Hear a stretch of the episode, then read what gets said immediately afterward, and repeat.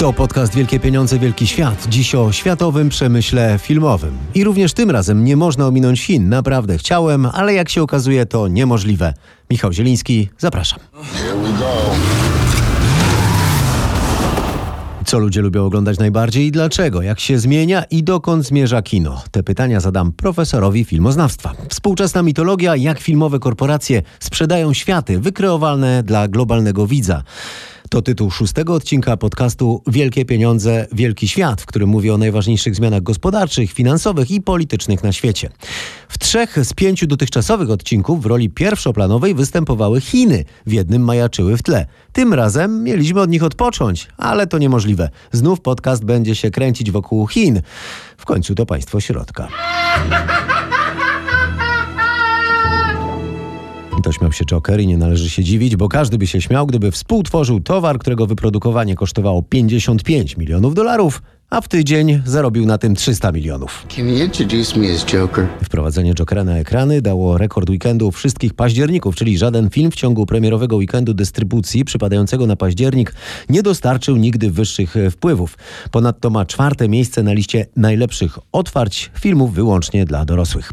Superprodukcja o okrutnym, psychotycznym, społecznym wyrzutku musi być filmem tylko dla dorosłych, bo kilka lat temu w Colorado stylizowany na Jokera masowy morderca zabił kilkunastu i ranił kilkudziesięciu widzów. no. Na drzwiach powiesiliśmy informację o zakazie wnoszenia plecaków, masek i kostiumów. Jeśli ktoś je ma, prosimy go, by zostawił je w aucie, inaczej nie wpuszczamy. Wraz z pracownikami osobiście przyglądam się otoczeniu i sali kinowej, tak by wszyscy mogli bezpiecznie cieszyć się filmem. Mówił kierownik kina w Nowym Jorku. Film ten zatem wzbudza emocje tak silne, że pojawiły się protesty rodzin ofiar i pytania, czy wytwórnia Warner Brothers, należąca do koncernu Time Warner, zachowuje się aby odpowiedzialnie. W przebadanym gruntownie po śmierci właściciela genialnym jakoby mózgu Włodzimierza Lenina zrodziła się, jak wiadomo, myśl, że to najważniejsza ze sztuk. Film kształtuje postawy. Jak głosił dziecinny geniusz Foresta Gampa, nigdy nie wiadomo, co się wyciągnie z pudełka czekoladek. W związku z powyższym partia w Chinach, do których e, oczywiście potem wrócimy, zadekretowała, że filmy winny szanować interesy i honor państwa środka. Ale podstawowym zadaniem szefów wytwórni, nawet w Chinach, nie mówiąc o Ameryce, jest jednak przede wszystkim sprzedaż tych czekoladek. A jakie smaki ludziom najbardziej odpowiadają? Zdecydowanie komedię. Nie Hugh Grant, nie lubię Hugh Granta. Cameron Diaz lubię bardzo. Kate Hudson. Ja najbardziej horrory lubię oglądać, bo lubię ten e, dreszczyk emocji, e, lubię czuć adrenalin. komedie biograficzne jakieś.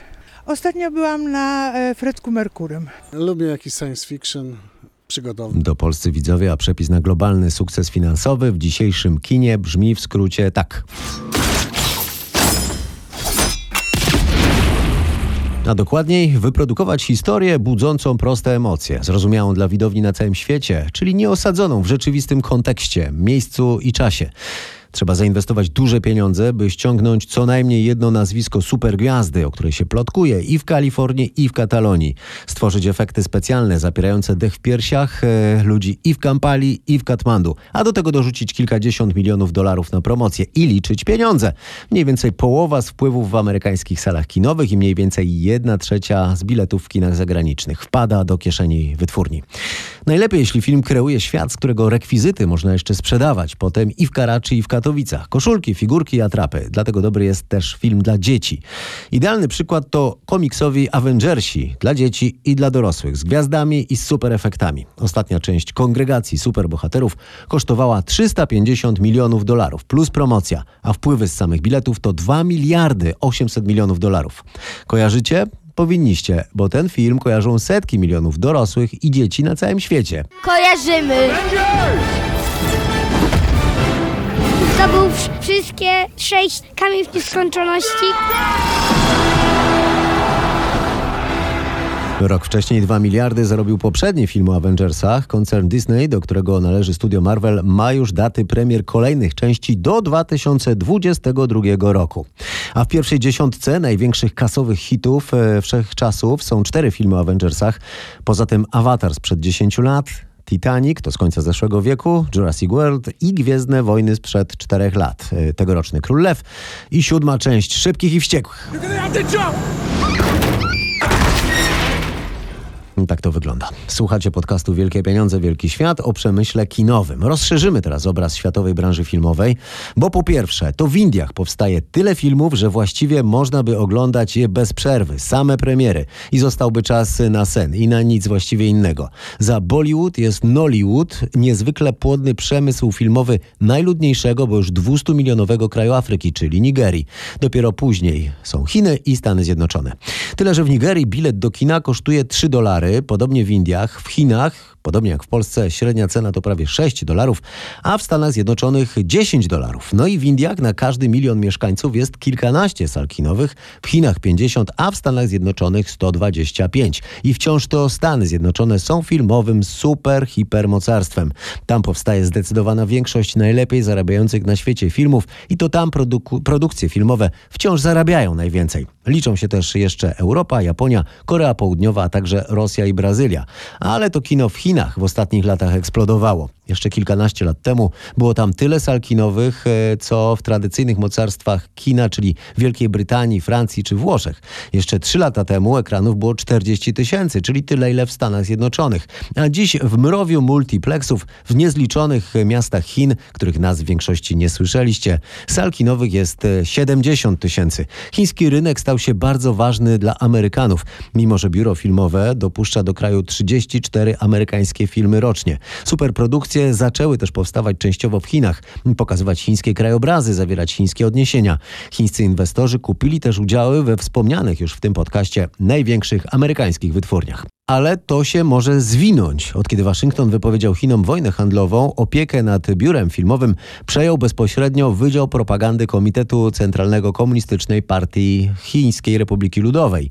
I spodziewane jest dalsze ograniczenie liczby amerykańskich filmów wpuszczanych na chińskie ekrany. Zdarzają się ingerencje cenzury i to ostre. A to ostatecznie kraj, w którym w programach telewizyjnych zwyczajnie pikseluje się, rozmazuje twarze aktorów, których wypowiedzi nie spodobały się władzom. Rynek kinowy państwa środka jest e, zatem wciąż zamknięty. Mur wiele filmów zatrzymuje, a to, co powstaje za murem, jest w większości niezrozumiałe, obce albo po prostu niedobre.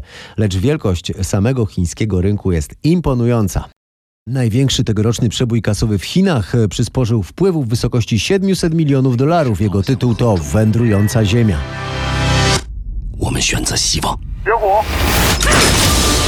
To film o tym, jak w połowie wieku zdominowany przez Chińczyków zjednoczony rząd Ziemi postanawia ratować naszą planetę, transportując ją do innego układu gwiezdnego. E, Druga część superprodukcji o bohaterze ludowych służb specjalnych, e, Wilczy Wojownik, e, film akcji nieznany na świecie, kilka lat temu zarobił za murem jeszcze więcej, niemal 900 milionów dolarów. A o Wilczym Wojowniku przecież nie wie prawie nikt poza Chinami. Gdyby zatem Chińczycy produkowali filmy oglądane poza państwem środka, konkurowaliby na liście przebojów wszechczasów z Amerykanami. Ale na razie to o wojnach gwiezdnych wiedzą prawie wszyscy mieszkańcy Ziemi. To podcast Wielkie Pieniądze, Wielki Świat. Jeśli słuchacie z zainteresowaniem, sięgnijcie do poprzednich odcinków. No i zasubskrybujcie.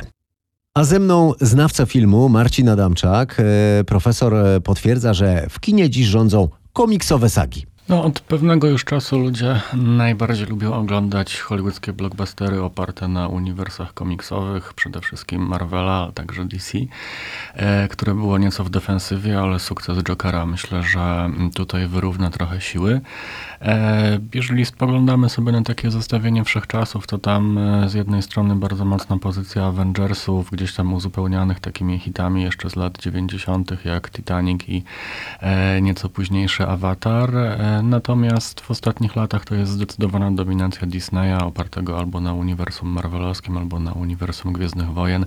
I w zasadzie ten świat filmowy od lat już wygląda w taki sposób, że sprzedaje się właśnie całe światy, całe uniwersa i Czyli to, tak, filmy. to takie kino mitologiczne. No tak też bywa niekiedy analizowana e, ta saga Lucasa. Pytanie na ile rzeczywiście korzystał z Campbella pisząc te scenariusze, a na ile gdzieś tam dosztukował sobie potem, to myślę, że to pytanie nie jest tak istotne. Natomiast rzeczywiście no, mitologia, też w zasadzie jedna z klasycznych koncepcji mówi o tak zwanych opowieściach transmedialnych, e, jako tym, co współcześnie buduje mm, audytorium filmowe, ale opowieściami transmedialnymi były przecież właśnie i mitologia, i Biblia, i szereg innych klasycznych tekstów kultury.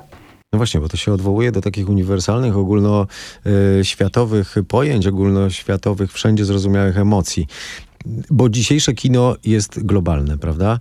Z tym łączą się też wielkie pieniądze. Skąd one się biorą, takie wielkie pieniądze w branży filmo, filmowej? Kto to wszystko finansuje? E, pieniądze biorą się z wielkich korporacji, to znaczy mylące jest trochę, posługujemy się tymi nazwami studiów hollywoodzkich Warnera, czy, czy Disneya, czy, mm, czy innych, natomiast e, to nie są takie studia jak w latach 20., 30., czy w połowie XX wieku. Mniej więcej po roku 80 następuje taki proces przejmowania studiów przez wielkie globalne korporacje medialno-rozrywkowe i w tej chwili studia są po prostu częścią takich koncernów jak Sony, jak Viacom, jak Comcast, które operują na bardzo, bardzo wielu mm, polach kultury audiowizualnej. I pieniądze biorą się z korporacji, pieniądze zresztą niebagatelne, dlatego że szacuje się, że przeciętnie taki hollywoodzki film jednego z tych sześciu wiodących studiów kosztuje w tej chwili jakieś 140-150 milionów dolarów, jeżeli liczy się budżet marketingu i budżet produkcji. Dla porównania przeciętny budżet filmu polskiego to jest około miliona dolarów i tu widzimy tą skalę, tą różnicę, ale też budżety zachodnioeuropejskie europejskie są rzędu 5-10 milionów dolarów średnie, więc to tak naprawdę jest taki wyścig Stany Zjednoczone kontra reszta świata, gdzie reszta świata jest parę długości za mm, globalnym Hollywood. I rzeczywiście w ostatnich 40 latach w zasadzie ta dominacja amerykańska na ekranach światowych jest większa niż kiedykolwiek wcześniej. W Europie w zasadzie od 30 lat 70% sprzedawanych biletów w kinach to są niezmiennie bilety na filmy amerykańskie. Panie profesorze, dlaczego tak jest, że ten rynek integruje się podobnie jak wiele innych rynków motoryzacyjny, hutniczy, produkcji alkoholi, finansowy, można by tu długo wymieniać, natomiast nie globalizuje się, to znaczy, jak rozumiem, te korporacje amerykańskie nie przejmują wytwórni w Wielkiej Brytanii, w Polsce, w Rosji, w Indiach i w Australii. Nie przejmują, bo nie muszą. E, też tylko sprostuję, te korporacje nie zawsze muszą być amerykańskie. Sony jest korporacją spoza Stanów Zjednoczonych, natomiast rzeczywiście większość amerykańska. Nie muszą, dlatego że kluczowa jest kontrola. Kontrola polega na wyłączności, w zasadzie na możliwość wykonania tego produktu, czyli wysokobudżetowego, skrajnie zaawansowanego technologicznie blockbustera. Nikt inny nie jest w stanie tego robić ani w Europie Zachodniej, ani w Chinach. Natomiast rzeczywiście Amerykanie szeroko korzystają z tańszej siły roboczej, z tańszych usług, czy w Wielkiej Brytanii Brytanii, gdzie jest przecież mnóstwo postprodukcji i takich współprac koprodukcyjnych, gdzie Brytyjczycy dają serwis. E, myślę, że w Polsce też niedługo może być tego więcej, dlatego że wprowadzono ustawę, która mm, daje producentom zewnętrznym ulgi podatkowe i to też prawdopodobnie rozkręci produkcję w Polsce i będziemy mieli takie zewnętrzne, przychodzące produkcje amerykańskie, gdzie partnerzy polscy, jak i inni europejscy są po prostu mniejszościowym partnerem koprodukcyjnym, dającym serwis, sprzęt, tańszą siłę roboczą, czasami postprodukcję. Nie jestem znawcą filmu, ale słyszałem o tym, e, ile zarabiają te największe gwiazdy w Hollywood i zastanawiam się zawsze, czy rzeczywiście jest to konieczne, żeby im aż tyle płacić, czy, czy faktycznie z punktu widzenia biznesowego jest to dobra inwestycja? Jeżeli nie byłaby dobra, to korporacje nie płaciłyby takich pieniędzy, tam jednak to wszystko jest zarządzane dosyć racjonalnie, ekonomicznie. Myślę, że ta wątpliwość, o której Pan mówi, wynika z tego, że to są w zasadzie takie dwie odrębne logiki. Jedną jest logika artystyczna, kiedy myślimy o tym, że ktoś za swój kunszt aktorski powinien otrzymać tyle pieniędzy, może mniej, może więcej. Natomiast tak naprawdę gwiazdom nie płaci się do końca za kunszt aktorski, tylko za taką bardzo specyficzną zdolność przyprowadzania widzów do kina. Amerykanie to zrozumieli już w latach 20., kiedy powstawał tak zwany system gwiazd, zresztą wzorowany na systemie w Teatrze Europejskim XIX-wiecznym i płacono już wtedy oczywiście na inne czasy ogromne stawki, dlatego że wiedziano, że to zabezpiecza interes filmu i że widzowie, taki szeroki, masowy widz chodzi głównie na gwiazdę aktorską, nie na reżysera, czy nie na określony gatunek, czy fabułę. Trochę to się zmienia rzeczywiście w ostatnich latach, to znaczy ten system gwiazd nieco słabnie w tym systemie opartym na kinie blockbusterowym, komiksowym, tam jednak, to zresztą łatwo zauważyć, charyzma aktorska i klasa aktorów jest nieco mniej istotna niż ta parada atrakcji, wybuchów, efektów specjalnych. No i też e, bohaterowie są często w kostiumach i maskach, co trochę ogranicza ich możliwości ekspresji aktorskiej. Natomiast ten wydatek jest racjonalny, to znaczy płaci się gwiazdom za to, że ich e, charyzma, ich publicity, ich taka celebrycka rozpoznawalność po prostu przyprowadza widzów do kin. To tak jak z piłkarzami. Tak, ma pan rację. To, to jest właśnie tak jak z tą ekonomią piłki nożnej. Zresztą te, te ekonomie, ekonomia kina, ekonomia piłki nożnej zachowują pewne pokrewieństwo, bo one czasami wydają się szalone, czy gdzieś tam wymykające się takim realiom klasycznego rachunku ekonomicznego, ale ostatecznie decydujące jest to, że te czynniki są po prostu ukryte. Nie ocenia się oczywiście tylko umiejętności driblingu, ale właśnie tam sprzedaż koszulek, czy przyciąganie sponsorów, kibiców, sprzedaż karnetów. I podobnie jest na rynku kinowym. Nie, nie ocenia się, nie płaci się za zdolności tylko aktorskie, tylko za i za to właśnie przyciąganie widzów do kina. Rzeczywiście gwiazdy są takim czynnikiem, który przyciąga bardzo mocno wciąż.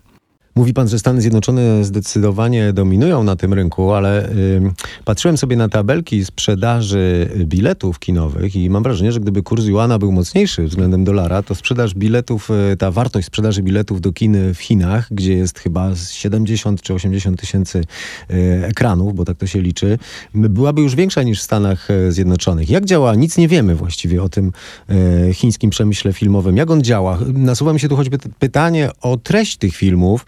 E, Wiadomo, że w Chinach jest y, państwo ściśle kontroluje treść przekazu y, masowego.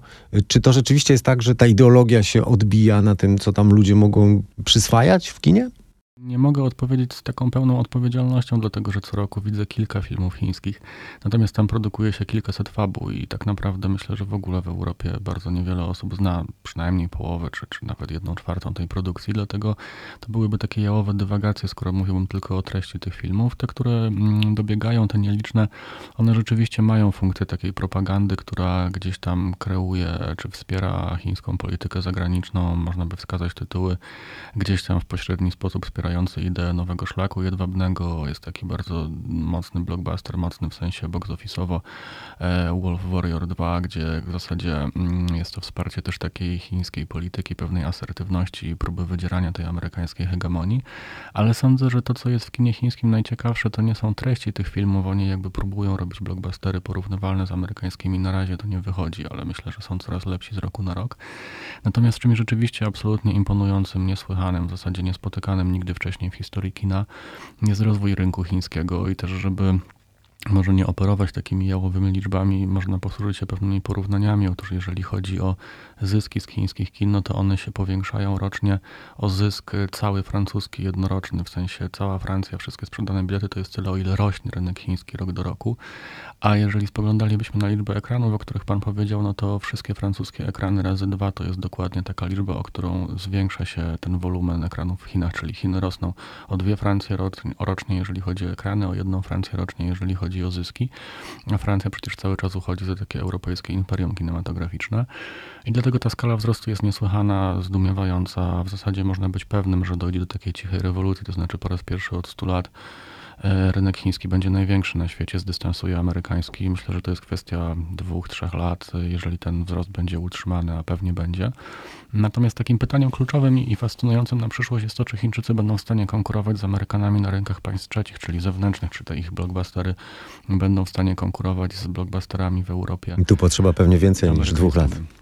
E, Więcej niż dwóch lat zapewne, no to jest związane z całą gamą problemów, też pewną bliskością kulturową jednak kultury atlantyckiej, a, a pewną, pewnym dystansem w stosunku do kultur azjatyckich, ale tak naprawdę jeżeli wczytamy się bardzo wyraźnie w statystyki box office'u, to może się okazać, że za 10-15 lat ta Europa nie będzie aż tak ważna, ponieważ niesłychanie rosną rynki Azji Południowo-Wschodniej i Wschodniej, jeżeli to się utrzyma, mówię tutaj o rynkach takich jak Korea Południowa, zwłaszcza trochę Indie, ale przede wszystkim Singapur, Malezja, Indonezja, to są potężne, bardzo ludne kraje o bardzo, bardzo mm, bogatej możliwości rozwoju kinematografii i być może za 15-20 lat Chińczycy nie będą tak dbali o to, czy na ich blockbustery chodzi widz w Paryżu, Londynie czy Warszawie, bo ważna będzie Azja Wschodnia, Południowo-Wschodnia. To jest rzeczywiście fascynujący czas, bo być może jest też takie przesunięcie trochę tego globalnego centrum powiedziałbym kulturowo-ekonomiczno-militarnego z Atlantyku na Pacyfik i rynek filmowy po prostu okazuje się być elementem szerszej układanki. Natomiast rzeczywiście fascynującym pytaniem jest to, czy Chińczycy będą w ciągu 10-15 lat zdolni konkurować. Dzisiaj nam to się wydaje takie trochę abstrakcyjne, ale wyobraźmy sobie przeciętnego Francuza w Paryżu lat 80., 90. XIX wieku. I ja myślę, że on był przekonany, że Francja będzie mocarstwem kinematograficznym z uwagi na rozwój literatury, malarstwa, a nie jakieś takie państwo kowbojów handlujących bydłem za oceanu, a wiek XX okazał się tutaj zaskakujący. Mówimy o tych zmianach ekonomicznych, y, o zmianach geopolitycznych, którym w podcaście Wielkie Pieniądze i Wielki Świat poświęcam bardzo dużo uwagi. Mm, Ale na koniec chciałem zapytać o zmiany technologiczne. Wiadomo, że internet zmienił w ostatnich latach y, rynek filmowy. Proszę powiedzieć, w jaką stronę to dalej pójdzie? Czy w połowie wieku ludzie będą w ogóle jeszcze chodzić do kina? Nie wiemy tego, aczkolwiek jest to drugi z tych punktów, które absolutnie mm, będą decydujące dla przyszłości i w zasadzie jesteśmy w środku takiego procesu, który moglibyśmy nazwać wojną platform, dlatego że jest to konfrontacja Netflixa i tych tradycyjnych studiów hollywoodzkich na czele z Disneyem. I kluczowym pytaniem jest właśnie to, czy widzowie przede wszystkim będą korzystali z oferty platform streamingowych, czy jednak zostaną przy ofercie kinowej.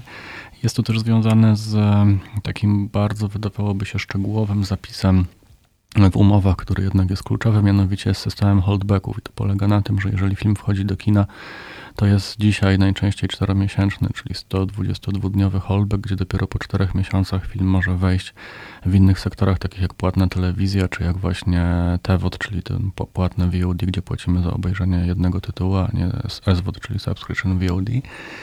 No i Netflix zmierza do tego, żeby to była tak zwana dystrybucja day-to-day, czyli do równoległych premier na rynku mm, kinowym i na rynku platform streamingowych. Oczywiście to burzy kiniarzy, dystrybutorów tradycyjnych i tak. No i świat filmu przedsięwziął pewną kontrę, to znaczy Disney wycofał swoje filmy z Netflixa i planuje na bodajże grudzień tego roku mm, premierę platformy Disney+. Bardzo podobny ruch rozważają Warner Universal i będziemy świadkami w najbliższych e, latach takiej walki o content, walki o treści, walki o zawartość, gdzie będą ścierali się potężni rywale właśnie Disney i Netflix. Nie wiem, kto zwycięży. Yy, Myślę, że jednak rzeczywiście te zwyczaje będą zmierzały do tego, że coraz popularniejsze będą platformy streamingowe, tylko pytanie, czy dominującym podmiotem będzie Netflix czy Disney, dlatego że w tej chwili takich wiodących platform jest 7-8 i z całą pewnością globalni konsumenci nie udźwigną 7-8 subskrypcji, dlatego zwyciężą pewnie 2-3. I walka rzeczywiście jest ostra. Netflix jest ponoć zadłużony na 30 miliardów dolarów właśnie dlatego, że tak wielkie są koszty marketingu i zakupu treści. E, Disney zmienia trochę swój model biznesowy i poświęca te tradycyjne sektory na rzecz e, platformy streamingowej, a walka dlatego będzie czy jest już tak brutalna, bo to jest trochę tak jak z taką rzeczywiście realną walką, walką wojenną, militarną. Mianowicie jest to mobilizacja wszystkich zasobów, dlatego że zwycięstwo tej konfrontacji, tak jak trochę w wyniku zwycięskich wojen, po prostu będzie mm, decydował o regułach, o układzie sił, o takim audiowizualnym porządku połowy XXI wieku, czy nawet wcześniej. No I dlatego ten czas jest tak ciekawy i dlatego mm, rzeczywiście są to wielkie pieniądze i wielkie pytania, czyli pytanie o Chiny i pytanie o Netflixa. Wielkie pieniądze, wielki świat. I wielkie pytanie od profesora filmoznawcy Marcina Adamczaka. Słuchacie podcastu o tym, jak świat może wyglądać już niedługo. Staram się pokazać siły, które zmieniając świat wpływają również na nasze życie. Czy kino przetrwa? Czy europejskie kino stanie się kompletnym skansenem? Czy w nadchodzących latach kapitan China będzie współbronił świata przed złem? Czy może przeciwnie? A teraz w podcaście Wielkie Pieniądze, Wielki Świat gościem jest Malwina Zaborowska, współautorka podcastu Twój Weekend. Wielkie wejście. Wielkiego smoka Dramatyczne. małego. Nie, jeszcze raz. A teraz w podcaście Wielkie Pieniądze, Wielki Świat mamy gościa. Dzień dobry. Malwina Zaborowska, współautorka podcastu Twój Weekend. Tak jest. Ten podcast y, publikowany jest co piątek. Można chyba powiedzieć o podcaście publikowany. Czy to jakieś muzealne słowo? Nie podoba mi się to słowo. W każdym razie co piątek można się dowiedzieć, e, na co warto pójść e, do kina i zaraz cię o to zapytam. Mm, Ale najpierw zapytam cię, czy twoim zdaniem w połowie wieku będziemy jeszcze w ogóle chodzić do kina? No mogę się tylko domyślać, czy, czy będziemy chodzić do kina, czy nie. Ja na pewno. I, e, I wydaje mi się, że nie tylko ja. Już nieraz wieszczono, że ludzie przestaną oglądać e, filmy w kinie. Kiedy pojawiła się telewizja, później kasety wideo. Teraz mówi się, że dużą konkurencję, y, konkurencją dla kina e, są internetowe platformy i usługi VOD, ale chyba to trochę jest tak jak z chodzeniem do restauracji. Można zjeść w domu, ale przecież czasem każdy lubi zjeść na mieście, wyjść do ludzi. Oglądanie filmu w kinie ma swój niepowtarzalny klimat. A ja to myślę, że w połowie wieku to kino będzie wykorzystywać różne technologie, które na razie nam są nieznane. Wyobrażasz sobie na przykład kino, w którym nie tylko jest y, obraz, y, dźwięk ale zapach i temperatura, ale właśnie na przykład Mhm. zapach. I to będzie łatwiej zrobić w kinie niż w domu. w domu? Łatwiej to będzie uz- No, na pewno. uzyskać. A już teraz jest tak, że, że w kinie czujemy, przeżywamy więcej. Jest więcej y, wzruszeń, więcej płaczu, strachu. Myślę, że to jest siła kina. I jaki film oprócz Jokera, twoim zdaniem, warto teraz y, zobaczyć w kinie? Mm, Parasite na pewno. To jest e, taka koreańska tragikomedia, film, który zdobył Złotą Palmę w Cannes, ale oczywiście nie dlatego, że zdobył Złotą Palmę w Cannes, warto go zobaczyć, tylko dlatego, że w prowokujący sposób komentuje współczesną rzeczywistość. Mm, No i do kin weszła też e, Wysoka Dziewczyna. To z kolei rosyjski obraz, e, który jest zainspirowany reportażem Swietłany Aleksiejewicz. Do kin wchodzi teraz wysoka dziewczyna z Rosji. Ty jesteś dziewczyną, która bardzo często chodzi do kina. A czy znasz y, filmy z Chin? Czy można teraz y, zobaczyć w Polsce jakieś y, super produkcje chińskie? No, obawiam się, że e, teraz nie ma żadnych e, chińskich premier. A co byś poleciła z archiwum w takim razie? Komuś, kto chce poznać chińskie kino od dobrej strony, niekoniecznie tej takiej... No wiesz, no zależy kto jakie kino lubi, bo e, i chińskie superprodukcje by- bywają niezłe. Na przykład Wielki Mur, tego samego reżysera, który zrobił Dom latających sztyletów. Taka dosyć, e, taki dosyć znany tytuł u nas też w Polsce. Ale Zhang Yimou robił też e, kiedyś kino mniej wystawne. Na przykład wyreżyserował taki kameralny film Wszyscy albo nikt. Albo Zawieście czerwone latarnie. Ten drugi film, mimo że żadna z niego superprodukcja, był nominowany do Oscara w kategorii najlepszy film nieanglojęzyczny. No i to są lata 90., więc przyznam, że polecam starocie. A ja polecam podcast Twój Weekend. Co tydzień w piątek Malwina Zaborowska razem z Agnieszką Friedrich i Katarzyną Sobiechowską-Szuchtą polecają najlepsze sposoby na spędzenie wolnego czasu w weekend. I Malwina, coś dla ciebie na koniec. Ciekawe wyliczenie. W końcu to podcast, w którym musi być sporo liczenia. Mówiliśmy o tym, że filmy akcji zdecydowanie dominują w box office wszechczasów, ale pomyślałem, że ta lista przebojów w całej historii kina wyliczona jest wedle wpływów nominalnych, a bilety ciągle drożeją po korekcie, po uwzględnieniu inflacji, czyli po przeliczeniu dawnej wartości dolarów e, zapłaconych za bilety na dzisiejszą e, wartość pieniędzy, okazuje się, że najwięcej pieniędzy w historii w Ameryce zgarnął film Przeminęło z wiatrem z 1939 roku, a na drugim miejscu są pierwsze Gwiezdne Wojny z 1977 roku, a w pierwszej dziesiątce nie ma żadnego filmu z tego stulecia. Kino w Ameryce traci zatem tak naprawdę na popularności, szczególnie, że jest e, VOD i Netflix. Dlatego wielkie wytwórnie sięgają teraz do globalnej e, publiczności. Myślę, że kino, które znamy, zaczyna powoli okres schyłkowy.